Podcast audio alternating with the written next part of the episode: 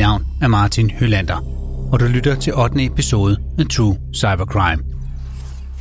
En podcastserie, der dykker ned i nogle af de mest spektakulære hackerangreb i nyere tid, der har fatale konsekvenser for privatpersoner, virksomheder og samfund. Nogle kalder det for fremtidens krigsførelse, og i True Cybercrime undersøger vi, hvad hackerne er i stand til, og hvordan det påvirker offerne. Podcasten er sponsoreret af Atea og forfattet af Josefine Høsberg. Denne episode er genfortællinger af en sag, som den har været beskrevet i andre medier.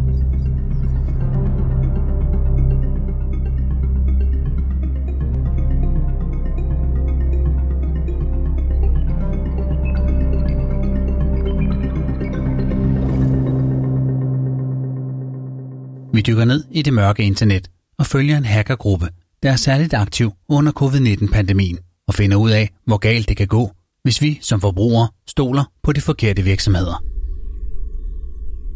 Internettet er gigantisk, og det indeholder millioner af websteder, databaser og servere.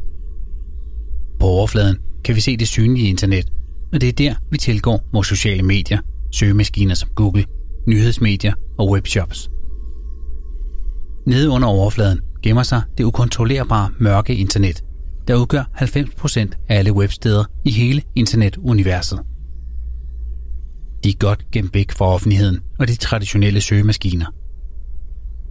Man kan kun tilgå det mørke internet ved at bruge specifikke værktøjer, eksempelvis det, der kaldes en Tor-browser, der er stærkt sikret mod hacking og slører ens browserhistorik. Det betyder også, at mange kriminelle færdes på det mørke net, da de her som udgangspunkt hverken kan blive sporet eller kontrolleret af myndighederne. Desværre foregår der også af den grund ting og sager derinde, man vil ønske blot var fiktion. 80% af søgningerne på det mørke internet er relateret til pædofili og børneporno. Sådan lyder det fra en rapport udgivet af det amerikanske magasin Wired, der fokuserer på, hvordan teknologi påvirker kultur, økonomi og politik. De kriminelle lusker rundt og deler ulovligt indhold og færdes på markedsplatforme som Darknet, hvilket vi også har været inde på i nogle af de tidligere episoder af True Cybercrime. Darknet er kendt for køb og salg af børneporno, hackede virksomhedsoplysninger, ulovlige våben, stoffer, terroraktiviteter og menneskehandel. En smeltedil er det værste, som menneskeheden har at tilbyde, og man kan kun gætte sig til, hvilke typer af mennesker, der færdes i det univers og har interesse i, hvad Darknet kan tilbyde. Når man bevæger sig under overfladen af internettet, så skal man være påpasselig, fortæller White Hat-hackeren Martin Thierup, som du måske kan huske fra en af de forrige episoder af True Cybercrime. Det er som udgangspunkt ikke ulovligt at tjekke Darknet ud, men det er ulovligt at gå ind på eksempelvis børnepornosider, købe og sælge ulovlige ydelser eller varer derinde. Der skal ikke mere til end et forkert tryk på et link, og så kan man ende på et børnepornosite ufrivilligt, fortsætter han. Grundet anonymiseringen kan selv forbrydere blive snydt på markedsplatforme og ikke vide sig sikker på, om de modtager de købte varer eller tjenester, andre kriminelle påstår, de sælger. Der, hvor de kriminelle er, der er myndighederne og efterretningstjenesterne også. De forsøger at opspore dem inde på den specifikke tjeneste, og kan eksempelvis lade som om, at de sælger fortrolige virksomhedsoplysninger. Er der en køber, der overfører bitcoins til deres oprettede wallet, så er man på sporet af en gerningsmand og de tidligere transaktioner, han hun har lavet. For FBI er det også lykkedes at anholde en masse gerningsmænd på Darknet ved at inficere deres computere på grund af en sårbarhed i browseren Firefox, som Tor-browseren er bygget på. Men det drejer sig om enkeltstående tilfælde, der skyldes en sårbarhed i Firefox frem for Tor-netværket. Så der er mange ting, der kan gå galt, når man færdes i de samme fora som de store kriminelle og det er et sted, man ikke har lyst til, at ens egne fortrolige oplysninger ender. Vi skal nu et smut til USA, hvor handelsplatforme som Darknet kommer til at spille en rolle. Den 11. maj 2020 modtager den amerikanske datingportal Susk en besked fra en ukendt tredjepart, der hævder, at de har fået adgang til en stor del af deres medlemmers fortrolige oplysninger. Virksomheden går i gang med en undersøgelse, og der går ikke længe, før de kan bekræfte, at påstanden er sand. Nogle cyberkriminelle har været inde og trække deres data ud fra en masse mennesker verden over, der er på jagt efter kærligheden. Vi snakker her om 30 millioner brugere, hvor hackerne får fingre i deres navne, adresser, telefonnummer, kreditkortoplysninger, kodeord, fødselsdatoer, seksuelle præferencer, politiske orienteringer, deres foto og alt muligt andet. Det svarer til, at de kriminelle får fat i al den data, du har liggende på din Tinder-konto, hvilket er oplysninger, virksomheder som både Tinder og Susk lover at passe på i deres virksomhedspolitik, når brugere opretter en profil. Samtidig lover Susk at opretholde rimelige sikkerhedskontroller for at beskytte deres kunders data, da der den 1. januar 2020 træder ny lov i kraft af California Consumer Privacy Act, der netop kræver dette. Susk er en anerkendt dating-app, der ifølge anklageskriftet er blevet downloadet 38 millioner gange siden januar 2014. Når en virksomhed af denne størrelsesorden ikke formår at følge de givende retningslinjer for sikkerhed og overholde løftet om at passe på deres kunders data, kan vi så blindt stole på, at andre platforme kan. Efterhånden må flere og flere internationale virksomheder som Mærsk, Sony, LinkedIn, Yahoo og eBay bøje sig i støvet og indrømme, at de har været ofre for hackerangreb. Det er tjenester, hvor mange af os deler personlige informationer, kreditkortoplysninger, private fotos, beskeder og dokumenter. Betyder det, at vi skal begynde at overveje, hvilke udbydere vi har tiltro til, og hvordan vi færdes på nettet? Eller skal vi blot fortsat stole på, at virksomhederne har styr på sit og gør alt for at passe på os? De her spørgsmål kan du tænke lidt over, imens vi går videre med vores historie, der bringer os ud i afkrogene af Darknet. Spørgsmålet er, hvem står egentlig bag angrebet mod Susk? Det påstår en nyopstartet hackergruppe, der kalder sig Shiny Hunters, at de gør. Vinnie Trøjer, den administrerende direktør for IT-sikkerhedsfirmaet Nightline Security, jagter cyberkriminelle. Han holder øje med det mørke net, og nu også Shiny Hunters aktiviteter. Vinnie Trøjer sætter spørgsmålstegn ved, at de skulle være opstået ud af ingenting med al den data, de fra den ene dag til den anden sætter til salg. Han mistænker dem for at have været aktive længe og gemt sig bag andre navn. Andre mener også, at Shiny Hunters strategier minder om Gnostic Players, som har solgt mere end 1 milliard brugeroplysninger på det mørke internet. Men da denne påstand blev beskrevet i flere artikler, føler Shiny Hunters sig nødsaget til at reagere og afvise denne forbindelse. Det gør de i magasinet Wired, og her påstår de også, at de blot er inspireret af Gnostic Players. Shiny Hunters kontakter Wired og forklarer magasinet, hvorfor de har hacket en virksomhed som Susk, og jeg citerer. Det er bare en måde at tjene penge på. Hvis virksomheder er bange og ønsker deres databaser fjernet fra markedsplatformene på det mørke net, så kan man bare kontakte mig for en aftale. Det var der en, der gjorde for nyligt, og begge var tilfredse med den aftale, vi fandt på. Om det er sandt eller ej, det finder vi aldrig ud af. For det kan blot være et strategisk valg, hackerne går ud offentligt og fortæller, at andre virksomheder har betalt en løsesum. Udtalelsen kan potentielt starte lemming-effekten, som i den her case vil gå ud på, at virksomheder som Susk følger strømmen og overfører penge til de kriminelle. Det stopper ikke her, for Forbes Magazine kan også berette, at Shiny Hunters endnu en gang tager æren for et stort antal hackerangreb. De påstår nu, at de de første to uger af maj har formået at anskaffe sig data fra mindst 13 virksomheder. Det er samlet stjålet 200 millioner oplysninger, der inkluderer konti, navne, adresser, Facebook-links og kreditkortdata. Flere af virksomhederne bekræfter offentligt, at der har været uvelkomne gæster på deres servere. Det passer med, at Shiny Hunters også gør dette klart over for Wired med følgende udtalelse. Jeg citerer. Det er jo ikke svært at hacke så mange virksomheder. Citat slut. Og hvorfor skulle de så egentlig stoppe, når de først lige er gået i gang? Når snakken falder på, om Shiny Hunters frygter at blive fanget, så svarer de blankt nej, selvom FBI leder efter dem i stor stil. Allerede i begyndelsen af juli 2020 blev hackergruppen berygtet for deres kriminalitet ved at stå bag massiv dataindbrud på virksomheder. De 200 millioner hackede data, inklusiv susbrugernes, bliver frigjort på platforme som Darknet. Et sted, hvor man umiddelbart ikke ønsker ens oplysninger florerer rundt og kan blive købt af dybt kriminelle. Men lad os lige dykke ned i, om der er penge i deres forhavner, når nu Shinehunter selv afslører i korrespondancen med Wired, at deres motiver er økonomiske. Helt generelt foregår det på følgende måde. Data, der aldrig har været sat til salg før, som med den splinter nye SUSK-data, er mere værdifuld, lyder det for Forbes. Det er nemlig ikke unormalt, at flere forskellige brugere gentæller de samme oplysninger, og dermed er udbuddet større, og dataen er allerede brugt. Det er præcis det samme princip med biler, tasker og andre ting, vi handler. Køber man en ny vare i en forretning, ja, så betaler man mere, end hvis man omvendt køber en brugt en på DBA, hvor man kan få den til en meget billigere pris.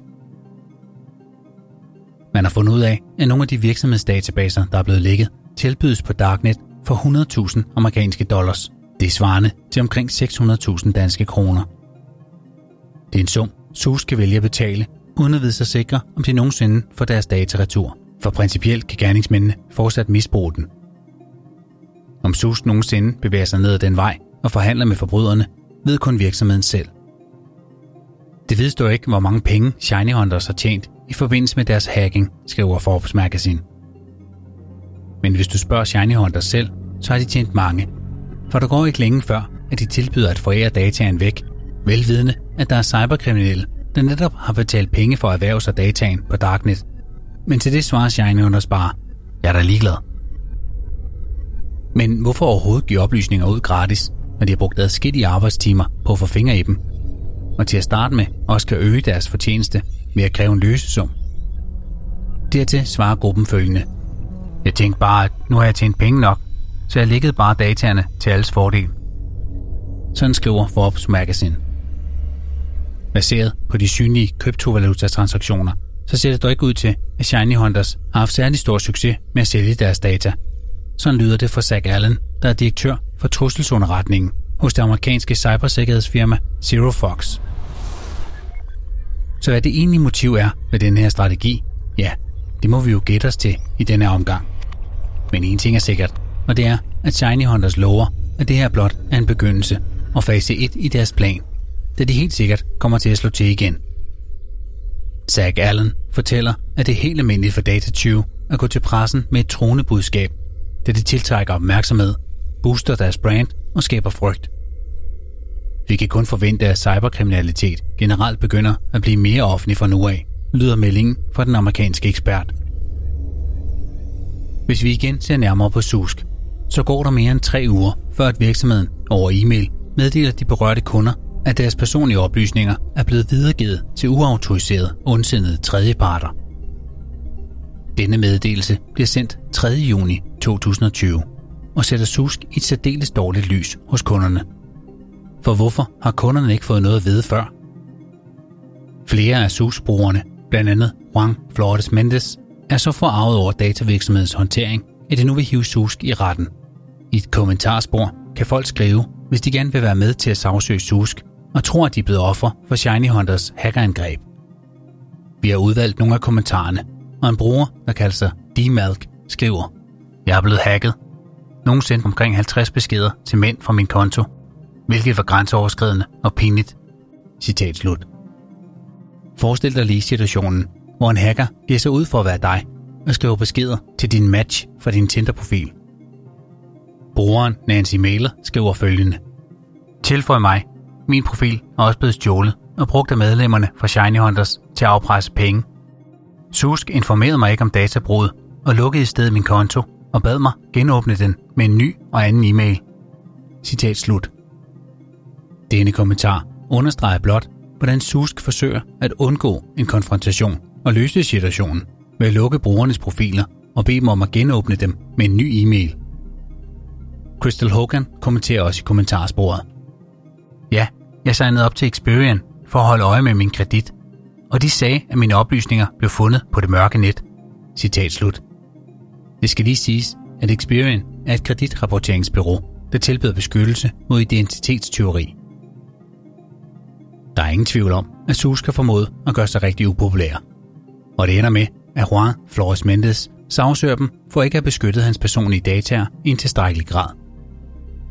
Han ønsker blandt andet erstatning for den tid, han har brugt på at gennemgå hans kompromitterede konti, kontakte hans kreditkortselskab og konstant overvåge sine konti for at undgå teori. Han fortæller, at han udvikler angst og nu frygter, hvem der kan få fingre i hans data på det mørke net.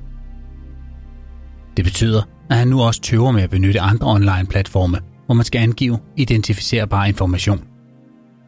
Shiny Hunters har nu sørget for, at Juan Flores Mendes står overfor en vedvarende trussel om identitetstyveri og svindel, da andre forbrydere potentielt kan købe hans fortrolige data og misbruge hans kreditkort og hans konti.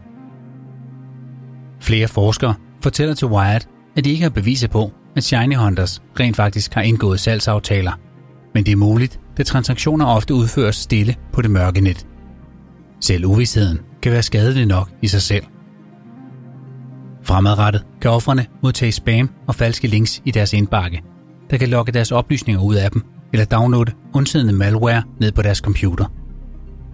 I anklageskriftet står der, og jeg citerer, Susk skulle have haft nogle protokoller for påvisning af databrud, og havde de haft det i orden, kunne de have advaret deres kunder langt hurtigere. Den sagsøgte datingvirksomhed har en værdi på 258 millioner dollars, og derfor har de ressourcerne til at implementere sikkerhedssystemer, der forhindrer og begrænser skaderne fra databrud. Citat slut. Sagsøgeren mener ikke, at Susk tager overtrædelsen alvorligt nok. Susk har heller ikke tilbudt deres brugere kreditovervågning eller andre foranstaltninger, der kan hjælpe dem i processen. De hackede brugere får blot besked om, at de skal være opmærksomme på deres kontoudtog og reagere, hvis de ser nogle mærkværdige transaktioner. Herfra ved vi desværre ikke, hvad der sker, da det stadig er en igangværende proces. Sagen kan du give et indblik i, hvorfor gennemsigtighed er vigtig over for ens kunder, hvis de bliver berørt af en hacking-situation. Og når det kommer til Shiny Hunters, ja, så er de stadig på fri fod, sammen med andre hackergrupper, der ligesom dem også har haft succes med at angribe og stjæle fra privatpersoner og virksomheder i 2020. Covid-19-pandemien har fungeret som en katalysator for cyberangreb, da hackergrupper har udnyttet, at alle samfund er ekstra sårbare under krisen. Forbes skriver, at hele verden oplever en massiv stigning i antallet af cyberangreb i foråret 2020. Her kan vi blandt andet nævne Skat, Reigns, Marriott, SD Lauder, Nintendo, EasyJet, T-Mobile og Manchester United. Både de amerikanske og britiske myndigheder understreger, at hackernes angrebsflade har ændret sig under pandemien ved at blive både større og bredere. Center for Cybersecurity, CFCS, understreger følgende i deres trusselsvurdering. Jeg citerer. Flere cyberkriminelle hackergrupper har over foråret og sommeren 2020 fornyet deres værktøjer, samarbejdsrelationer og aktiviteter. Forandringerne bekræfter CFCS tidligere vurdering af, at kriminelle hackere generelt er gode til at omstille sig og tænke nyt, når de bliver presset udefra eller ser nye muligheder for at tjene penge. Citat slut. Så det er ikke kun os, der har været tvunget til at skabe nye kreative arbejdsgange i forbindelse med pandemien. Sådan har det også været for de cyberkriminelle, der har udnyttet, at vi er blevet hjemsendt og midlertidigt arbejder på usikre internetforbindelser og er afhængige af cloudbaserede samarbejdsværktøjer som Zoom, Slack og WebEx, så vi kan kommunikere med vores kollegaer under hjemsendelsen. Antallet af phishing-angreb mod medarbejdere, der arbejder hjemme, er steget markant. Flere uskyldige medarbejdere er ubevidst kommet til at videregive deres personlige oplysninger og kreditkortinformation til hackere. Normalt foregår de fleste phishing-forsøg på e-mails, men der har været et stigende antal af tilfælde med sms-beskeder, der indeholder links. SMS'erne er forklædt som et kærligt budskab og tilbyder finansiel bistand, statsstøtte eller skatterabatter grundet coronavirusens økonomiske konsekvenser for den enkelte. Det kan The British National Cybersecurity Center berette. Dette er blot endnu en af hackernes kreative angrebsformer. Og for lige at understrege, hvor mange forskellige måder det kan se ud på, så kommer der her lige et par beskeder mere fra kommentarsporet med brugerne, der sagsøger Susk. Francisco Negron kommenterer. Jeg er begyndt at modtage adskillige uopfordrede e-mails fra kvinder fra seks websteder. Efterfulgt af Caitlin Collins. Siden jeg er blevet medlem, har jeg modtaget alle mulige vanvittige ting gennem min telefon og på min e-mail.